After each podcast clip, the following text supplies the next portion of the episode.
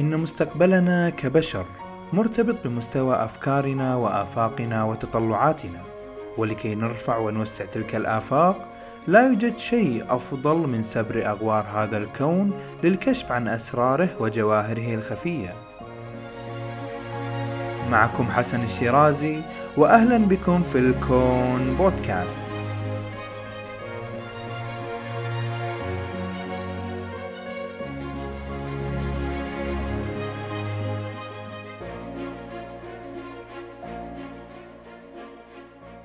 السلام عليكم. في كثير من حلقات البرنامج السابقة تكلمنا عن أهم عناصر المجموعة الشمسية التي نعيش فيها من كواكب وأقمار وكويكبات وأحزمة. وانتهينا بشرح عن بلوتو وحدود المجموعة الشمسية. ولكن هذه المجموعة تقع وتدور ضمن كيان ومحيط أكبر وهي المجرة التي نعيش فيها وتحوي الملايين والملايين من النجوم المشابهة لشمسنا وغيرها من الشموس ونطلق عليها درب التبانة. في هذه الحلقة سنسافر في رحلة كونية بعيدة نتعرف على بنية المجرة ومكوناتها وكيفية حركتها ونقارنها بأنواع المجرات الأخرى من حولنا ونتعرف على كل تفصيل علمي يخص هذه الكيانات العظيمة التي أيضا تتشكل في مجاميع معينة وتسبح في الفضاء. وقبل أن نبدأ الحلقة أحب أن أوصل رسالة مهمة فيما يخص فيروس كورونا وهي الحرص ثم الحرص على التباعد الاجتماعي فهي أفضل وسيلة دفاعية مستنتجة حتى الآن لدى جميع دول العالم لمكافحة هذا الوباء وهي السبيل بعد الله للنجاة من هذه الأزمة الخانقة مع تمنياتي للجميع بدوام الصحة والسلامة. وأنوه بأن هذه الحلقة من البودكاست تأتيكم برعاية من مؤسسة الكويت للتقدم العلمي. مؤسسة الكويت لديها العديد من البرامج والكتب العلمية الشيقة والمناسبة لجميع الأعمار وجميع التخصصات. تابعوهم واختاروا ما يناسبكم. وآخر هذه الإصدارات كانت مجلة Sky at Night العريقة والجميلة في مجال الفلك حيث تم ترجمتها إلى اللغة العربية ببراعة وجودة عالية. أنصح الجميع باقتنائها. وأخيرا هذه الحلقة ستكون آخر حلقة في هذا الموسم الثاني من برنامجكم الكون بودكاست. أتوقف لفترة بسيطة إن شاء الله وأحضر فيها لمواضيع جديدة ومختلفة فيها الفائدة وأتمنى أن تنال إعجابكم في الموسم القادم. أحب أن أقرأ تعليقاتكم على البودكاست والمواضيع المطروحة سواء في account تويتر @shirazios @sherazus أو من خلال المنصات التي تستمعون فيها للبودكاست. أما الآن فقد حان الوقت للتحدث عن مدينة النجوم وتفاصيلها.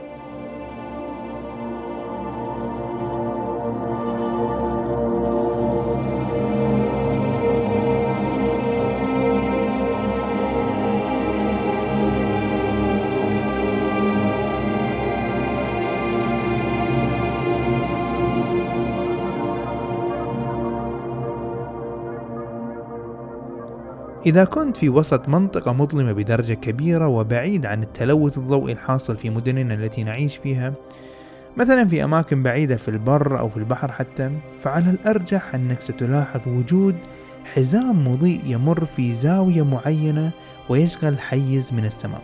وصدقني بأن ذلك المشهد مميز جدا ولن تنساه عيناك أبدا ما حييت بالنسبة للقدماء الذين كانوا يعتمدون على النار كمصدر للإضاءة ليلا وكانت حياتهم أقل صخبا وتلوث مما لدينا اليوم كان هذا الحزام يعتبر قطعة خاصة تزين سماءهم ليلا. فغزت تفكيرهم ومخيلتهم لما يمكن أن تحويه هذا الحزام أو لما يمكن أن يحوي هذا الحزام من مكونات واحتل مكانة خاصة في حياتهم وحاولوا تفسير سبب وجوده.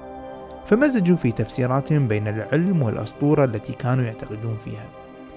ومن شكل هذا الحزام فكأنما أحدهم سكب الحليب في السماء ليتشكل على هذا الشكل وأطلق عليه من ذلك الوقت بالدرب الحليبي أو اللبني.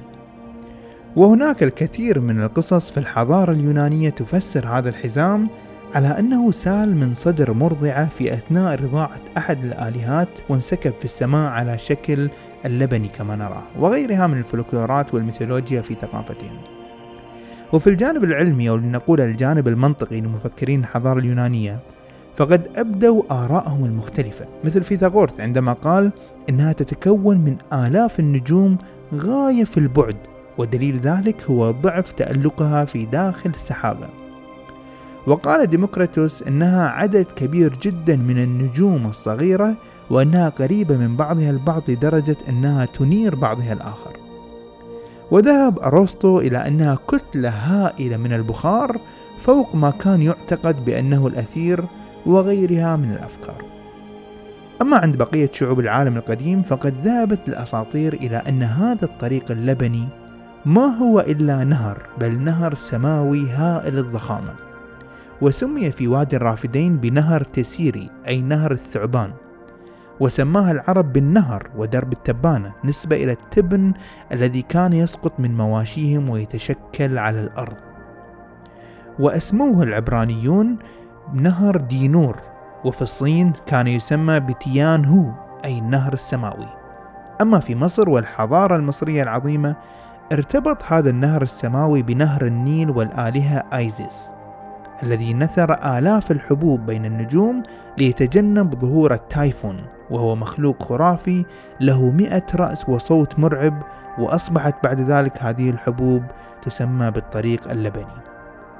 ومن ضمن الميثولوجيا واعتقادات الشعوب القديمة كان يظن بأن هذا الطريق اللبني هو النهر الذي ترتاده أرواح الموتى وتدخله من باب يحرسه الإله ساجيتيريوس وتظل الأرواح منتظرة حتى يحين موعد تجسيدها مجددا فتخرج من الباب جيميني وهي منطقة في السماء منبعثة إلى الأرض مرة أخرى. ومنذ ذلك الوقت والناس ينظرون إلى ذلك الحزام ولم يتطور فهمنا كثيرا لماهيته ومكوناته وظل الفهم حائرا مقتصرا على النظر بالعين المجردة والتخيلات. حتى أتى غاليليو وجاء بتلسكوبه في بدايات القرن السابع عشر وعندها فهم أن هذا الحزام يتكون من آلاف مؤلفة من النجوم متراصة بجانب بعضها البعض. ومن بعد ذلك تطورت المشاهدات والدراسات المتراكمة عبر تاريخ البشرية بالإضافة للثورات التكنولوجية والعلمية في العقود الأخيرة. فبينت لنا شكل المجرة التي نعيش فيها.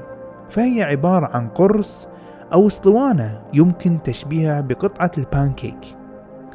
طول قطر هذه الأسطوانة يقدر تقريبا بمسافة مئة ألف سنة ضوئية. يعني إذا تبتدي رحلة افتراضية من طرف المجرة وتمشي في خط مستقيم للطرف الآخر يتطلب الأمر مسير مسافة مئة ألف سنة ضوئية. وهذه الأسطوانة لها سماكة. تخيل معاي إنك تشاهد وتراقب المجرة من على الجنب يعني من أمامك الآن. سوف تشاهد سماكة معينة للمجرة يقدرها العلماء بألف إلى ألفين سنة ضوئية. وعلى مساحة وامتداد المجرة تتوزع مناطق كثيرة للسدم وهي مصانع تكون النجوم وهناك نجوم زرقاء حارة وأخرى باردة ونجوم حديثة الولادة وأخرى على مشارف نهاية حياتها. وفي منتصف هذه الأسطوانة تجمع ضخم من النجوم الكبيرة والقديمة يميل معظمها إلى اللون البرتقالي والأحمر. وهناك أيضا يقبع الثقب الأسود العملاق في وسط منطقة الرامي أو ساجيتاريوس A بوزن يصل إلى 3.2 إلى 4 ملايين مرة من كتلة الشمس في وسط المجرة. وتسمى هذه المنطقة بذا بلج وبالعربي يعني الانتفاخ. وهي منطقة مميزة جدا في تكوين آه، المجرة. حتى الآن تكلمنا عن أسطوانة وانتفاخ بالمنتصف كمكونات رئيسية للمجرة. هناك مكون ثالث رئيسي غالبا ما تغفل عنه المحاكاة التي نراها في مثلا في البرامج أو في الصور التي ترسم المجرات وهي الهالة التي تحيط بأكمل أسطوانة المجرة. تقريبا شبه كروية الشكل وهي عبارة عن تجمعات نجمية متبعثرة حوالين المجرة ويصعب رؤيتها مقارنة بالأسطوانة الرئيسية للمجرة وهي الانتفاخ في المنتصف. والنجوم التي تسكن هذه الهالة في أعلى وأسفل أسطوانة المجرة أو قطعة البانكيك كما شبهناها لا تتبع حركة النجوم في الأسطوانة. بل لديها حركة مبعثرة غير منظمة ولكن محورها مركز المجرة. وهذه الهالة مهمة جدا في الكثير من الاستدلالات التي وصل إليها العلماء لطبيعة تركيب المجرة كما سنسمع بعد قليل. أما موقعنا في المجموعة الشمسية وموقعك أنت وتسمع لهذا البودكاست بالنسبة لباقي المجرة فهو على مسافة 28 ألف سنة ضوئية من منتصف المجرة. يعني إذا مسكت خط مستقيم من منتصف المجرة ومشيت 28 ألف سنة ضوئية ستصل إلى المجموعة الشمسية. وإذا أردنا أن نكمل وصف مجرتنا درب التبانة هناك مكون مهم يجب أن لا نغفل عن ذكره وهو ما يسمى بالوسط البين نجمي أو وسط ما بين النجوم. هذه الترجمة العلمية لمصطلح interstellar medium فالمسافة ما بين نجوم المجرة ليست فراغ كلي كما كان يعتقد سابقا. فيقدر العلماء أن هناك تقريبا مادة مكونة من 90% من الغاز وطبعا هذا الغاز إما هيدروجين أو هيليوم و10% من الغبار ما بين الكربون والسيليكات مكون الصخور. وتقدر كثافة المادة بذرة لكل متر مكعب. صحيح أنها كثافة منخفضة جدا وبل منخفضة بلايين المرات أكثر من الهواء الذي نتنفسه. ولكنها موجودة وتشغل هذه المسافة المساحة الشاسعة بين النجوم. لذلك لا يوجد ما هو فراغ كلي بمعنى الكلمة في الفضاء. وهذه المادة تلعب دور محوري ومهم في كشف أسرار المجرة. طيب نحن نعيش في الكرة الأرضية داخل المجموعة الشمسية التي تسبح وتدور حول مركز المجرة مبتعدة عنها بمسافة 28 ألف سنة ضوئية كما ذكرت. فهناك سؤال يجب أن يتبادر إلى الذهن وهو كيف عرفنا كل هذه التفاصيل الدقيقة من أبعاد وطبيعة ومركبات للمجرة؟ ونحن نعيش بداخلها ولم نرها من الخارج مثلا لنحكم كيف يكون شكلها.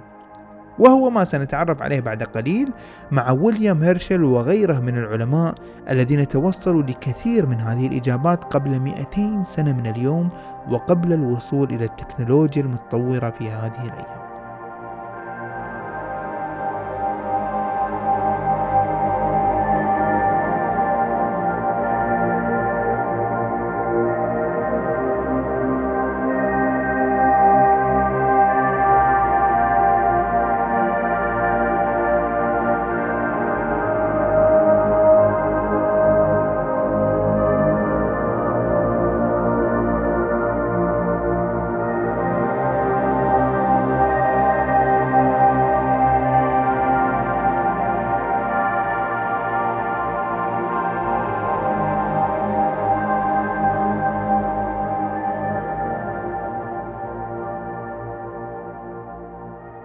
الحزام المضيء الذي رصده البشر في سمائهم ليلا يمكن مشاهدته في النصف الشمالي للكرة الأرضية وكذلك إذا ذهبت إلى دول النصف الجنوبي مثل الأرجنتين أو تشيلي أو في نيوزيلندا مثلا تجده متواجد أمامك في الظلام والسواد لحالك. ومن هنا يمكن أن نستنتج بأن هذا الكيان يحيط بالكرة الأرضية من كل جانب. وكأننا نعيش وموقعنا في الأرض والمجموعة الشمسية في مستوى أفقي من هذا الكيان أي على نفس مستوى سطح البانكيك الذي شبهته بأنه هو مستوى أو هو أسطوانة المجرة التي ندور فيها. زيادة على ذلك من المشاهدات التي نراها في النصف الشمالي أو الجنوبي للكرة الأرضية نرى بأن شكل هذا الحزام متشابه في النصفين مما يوحي بأننا نقع في منتصف هذه الأسطوانة. فلو كنا في أحد أطرافها لاختلف في النصفين الشمالي والجنوبي الشكل الذي نرصده من الأرض. وهذا ما عكسه ويليام هيرشل عندما حاول أن يتصور شكل المجرة وحاول أن يرسمها. وكانت رسمته عبارة عن مجموعة من النجوم تسبح في كيان مظلم رسمه باللون الأسود والمجموعة الشمسية تقع قريبة من المنتصف لتلك المجرة. واعتمد في ذلك على تقسيم السماء إلى 683 منطقة وقام بحساب أعداد النجوم في كل مكان بالسماء في هذه المناطق وقارنها ببعدها النسبي عن هذا الحزام الذي يظهر بالسماء وهو قلب أو مركز مجرتنا فظهر له بأن الأرض والمجموعة الشمسية بشكل عام تكون بالمنتصف. كون النجوم التي كان يراها وعكسها في خريطته للنجوم متوزعة بشكل شبه متساوي حسب مشاهداته. وبذلك استنتج أن المجموعة الشمسية قريبة من المنتصف. ولكن ما لم يكن يحسب حساب هيرشل هو وجود غبار ما بين النجوم منتشر في المجرة. وهذا الغبار يعمل على إخفات ضوء الكثير من النجوم التي لا يصلنا إلى الأرض بظاهرة تسمى خمود بين نجمي أو Interstellar Extension. وبذلك لم تظهر كثير من النجوم الموجودة في الخريطة التي رسمها هيرشل وهي المشكلة التي تنبه لها العالم روبرت رامبلر عام 1930 عندما لاحظ وجود خفوت في الإضاءة غير طبيعي لبعض التجمعات النجمية. إذا كيف عرفنا بأن موقع المجموعة الشمسية تقريبا ثلث المسافة بعدا عن مركز المجرة وليس بالمنتصف؟ فذلك تم عن طريق التجمعات النجمية التي ترصد فوق أو تحت أسطوانة المجرة التي تدور حول مركز المجرة وتسمى Globular Cluster والتي ذكرناها على عجالة قبل قليل عندما تكلمنا عن مكونات المجرة. ولكن بشكل عام هذه التجمعات موجودة أسفل أو أعلى الأسطوانة الرئيسية للمجرة أقصد أسطوانة النجوم التي تدور حول المركز. وهذه ال globular cluster الموجودة في الأعلى والأسفل تعطي شكل كأنه كروي حول المجرة أي بمعنى تصنع هالة حول المجرة. ميزتها الرئيسية أنها مشعة بدرجة كبيرة بحيث تستطيع تمييزها عن باقي النجوم في المجرة التي تدور معنا حول المركز. سأعطي مثال بسيط يوضح موقع هذه التجمعات ل globular cluster قبل أن أكمل طريقة الحسابات. تخيل الآن الكعبة الشريفة في مكة المكرمة هي مركز المجرة التي نعيش عليها. والحجاج والمعتمرين من الناس الذين يطوفون حول الكعبة هم النجوم التي تدور حول المجرة. هذه هي البنية الرئيسية لديسك أو اسطوانة المجرة التي تسكن بداخلها النجوم. الآن فلنفترض أنك رفعت رأسك لتشاهد فوق الكعبة مجموعة من الطيور تحوم حولها وأدرت برأسك للطابق الأول جهة اليمين من الحرم المكي وشاهدت مجموعة من المصلين يتجمعون هناك وكذلك مجموعة من المصلين جهة الشمال إذا أشحت بوجهك إلى تلك الجهة تلك المجاميع من المصلين والطيور فوق الكعبة هم بالتقريب موقع التجمعات النجمية مقارنة بالنجوم العادية التي تدور حول مركز المجرة. إذا هم على ارتفاع أعلى من ارتفاع النجوم العادية. وميزتها عن باقي النجوم أنها لامعة وبارزة تستطيع الاعتماد عليها في الحسابات لتعرف بعدك عن مركز المجرة لأنه لا يوجد هناك غبار بين نجمي يمكن أن يحيل بينك وبينها وممكن أن يلخبط عليك الحسابات. ولكن تبقى مشكلة أخرى وهي أولا عليك أن تحسب بعدك عن هذه التجمعات النجمية.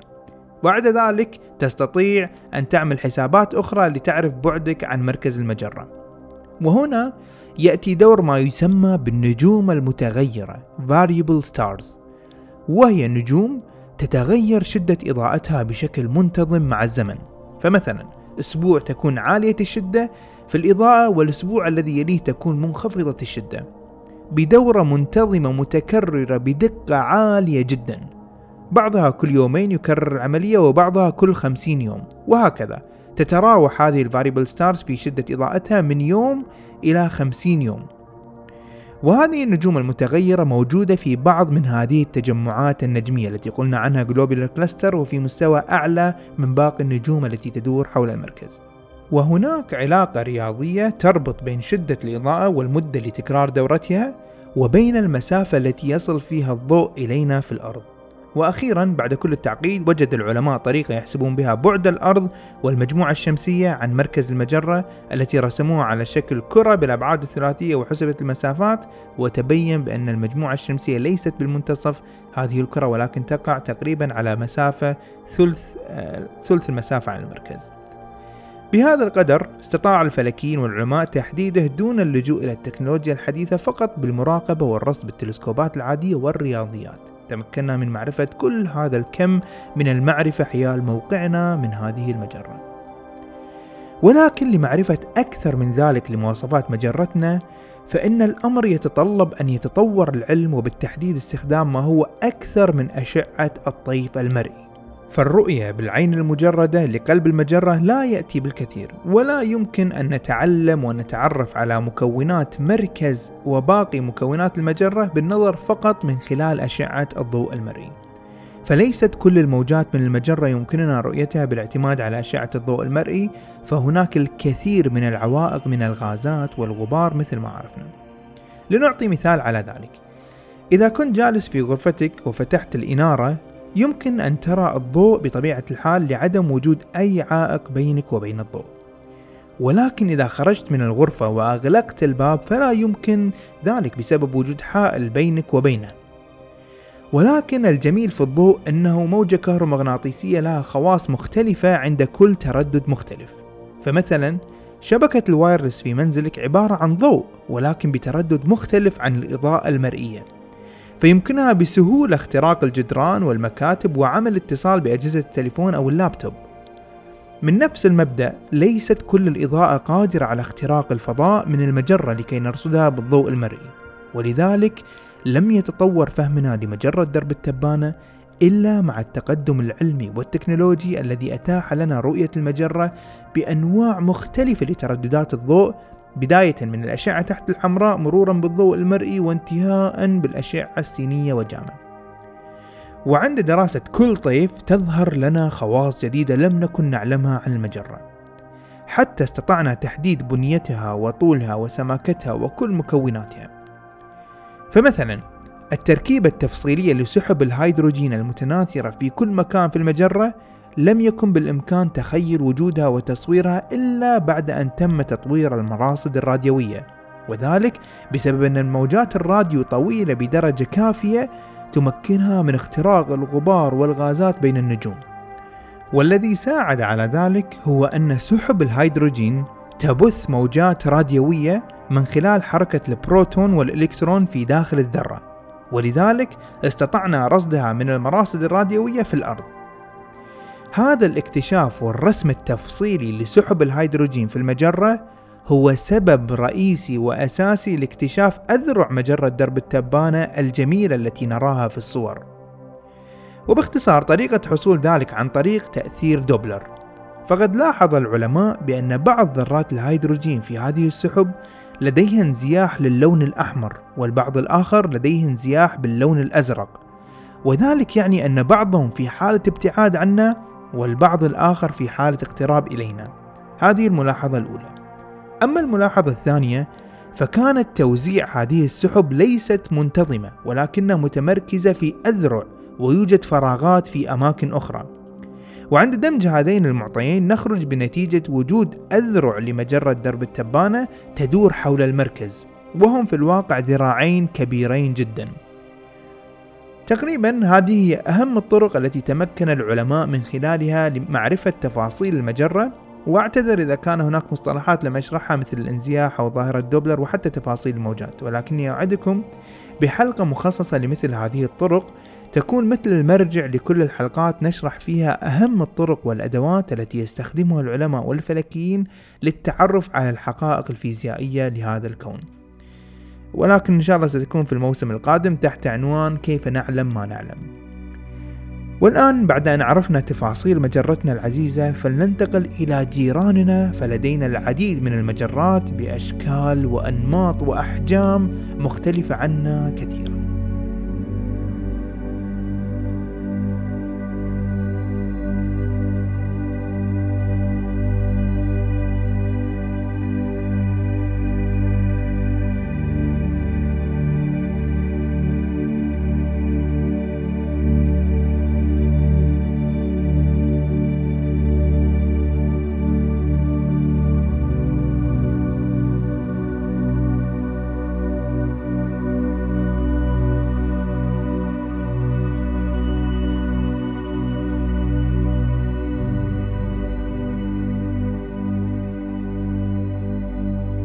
بعد أن عرفنا تفاصيل مجرتنا حان الوقت الآن لنخرج من هذا الكيان ونبحر بعيدا. فسنرى أن هناك البلايين من المجرات الأخرى التي تحتوي بدورها على بلايين النجوم بداخلها. هذه المجرات ليست كلها شبيهة بمجرتنا درب التبانة بل أشكال وألوان مختلفة ومنتثرة بزوايا مختلفة كذلك. فبعضها إذا نظرنا إليه من الأرض نستطيع رؤية أطراف الأسطوانة وبعضها الآخر نستطيع رصده وكأننا نراه من الأعلى إلى الأسفل بحيث يكون مركز المجرة ظاهري إلينا والكثير من الزوايا العشوائية. حاول العالم إدوين هابل تقسيمها وكان يعتقد أن هذه المجرات تتطور بالشكل من واحدة إلى أخرى ولكن كان فهمه قاصر للمجرات ومخطئ في هذه النقطة. ولكنها كانت بداية مفيدة استفاد منها العلماء من بعده. فعندما أراد العلماء تقسيم هذه المجرات أو بالأحرى تصنيفها فتم تصنيفها حسب الشكل الظاهري لها وهي ثلاثة أقسام. قسم يدعى بالمجرات ذات الأذرع الحلزونية وهي التي تندرج تحتها مجرة درب التبانة. والقسم الثاني يسمى بالمجرات الإهليجية. وقسم ثالث هو في الحقيقة أي شكل للمجرات لا يقع ضمن التصنيف الأول أو التصنيف الثاني. النوع الأول هو المجرات ذات الأذرع الحلزونية ينطبق عليها كل ما شرحت قبل قليل عن مجرة درب التبانة. أسطوانة تحتوي على خليط من النجوم الكبيرة والصغيرة بالعمر تسبح ما بين الغاز والغبار المنتشر في كل مكان فيها. تدور حول المركز المكتظ بالنجوم القديمة ويحيط بهذه الأسطوانة عشوائيا مجموعة من النجوم القديمة والتجمعات النجمية مشكلة الهالة التي قلنا عنها Globular Cluster. بالنسبة للنوع الثاني من المجرات هو النوع الإهليجي فالأمر مختلف قليلا. فبشكل عام هذه المجرات أضخم بالحجم وأكبر بالكتلة. ومن ناحية الشكل فهي أبسط من المجرات ذات الأذرع فهي لا تحتوي على أسطوانة تدور حولها أذرع وإنما تحتوي على عدد قليل من النجوم حديثة الولادة وأغلبها نجوم قديمة بالعمر. والنوع الأخير هو المجرات الغير منتظمة مثل ما ذكرت قبل قليل. وهي أي مجرة لا ينطبق عليها وصف الإهليجي أو ليس لديها أذرع تكون غير منتظمة مثل سحابتي ماجلان الصغيرة والكبيرة. وهما مجرتين رصدوا منذ قديم الزمان في سماء النصف الجنوبي للكرة الأرضية. فهذين السحابتين لا يمكن أن يروا من خلال نصف الكرة الشمالي. في البداية اعتقد الناس أنها نوع من السدم ولكن لاحقا بعد أن تقدم علم الفلك وحسب الفلكيين والرياضيين أبعاد هذه الأجرام تبين أنها تقبع خارج كيان منظومة درب التبانة. هذه المجرات الغير منتظمة بشكل عام هي الأصغر في العمر فمعظمها يكون متكون من نجوم فتية حارة جدا زرقاء. أما ذات الأذرع فهي المتوسطة بالعمر والأقدم بشكل عام تكون هي المجرات الإهليجية. كونها تتكون بمعظمها من نجوم حمراء قديمة في نهاية الخط الزمني لحياة النجوم. وبما أننا نتكلم الآن عن المجرات فلا بد أن نذكر المسافات فيما بينهم. عند تصادم المجرات فليس بالضرورة أن يحدث تصادم بين النجوم التي تسكن بداخلها.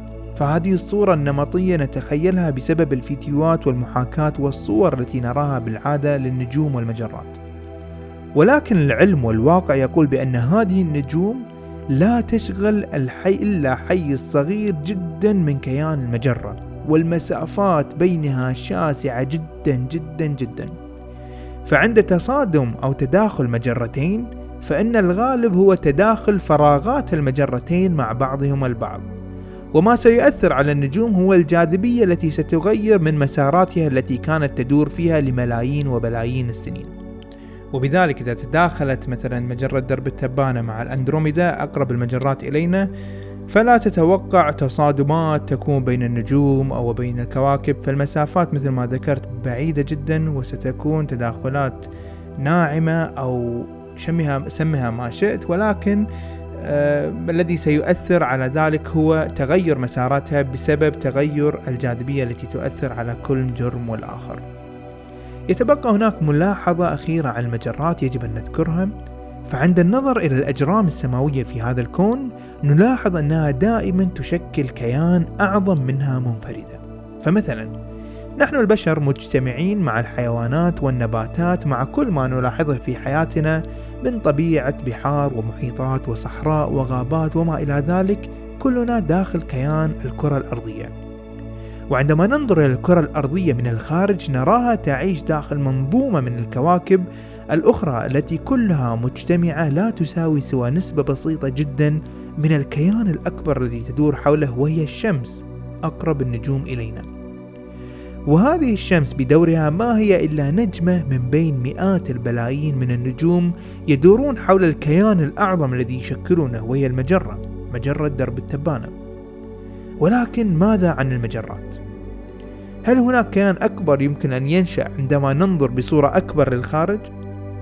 في الحقيقة على الرغم من التباعد الكبير والشاسع في الفضاء بين المجرات إلا أن قوى الجاذبية عملت ولا زالت تعمل منذ أزل الزمان على جذب هذه الكيانات العملاقة مع بعضها البعض وتكون عناقيد مجرية تسمى جالاكسي كلاستر تتجمع فيها مئات أو آلاف من المجرات بجانب بعضها البعض على امتداد بعض الملايين من السنين الضوئية.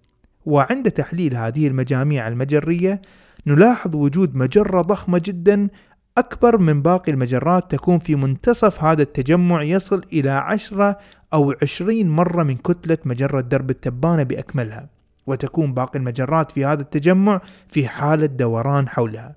في نظام محاكي لكواكب المجموعة الشمسية وهي تدور حول الشمس. وهذه المجرات الضخمة تكون ناتجة من اندماج مجرات بنفس الحجم أو مجرات أصغر على مدار الزمان منذ بداية الكون إلى يومنا هذا. فهي سنة كونية تحركها قوى الجاذبية المتغلغلة في نسيج هذا الكون. تقريبا هذا شرح موجز لبنية مجرتنا درب التبانة وجيرانها في الفضاء الكبير. أرجو أن تكونوا قد استمتعتم بهذه الرحلة بين المجرات. لا تنسون تقييم القناة وكذلك التعليقات حول البودكاست ومشاركة المواضيع التي تحبون الاستماع إليها في الموسم القادم وكذلك مشاركة البودكاست بين الأصدقاء ومحبين العلوم. فحتى ذلك الحين أتمنى لكم السلامة ابقوا في منازلكم وابقوا آمنين حتى انقضاء هذه المحنة ونلقاكم على خير بإذن الله. إلى اللقاء.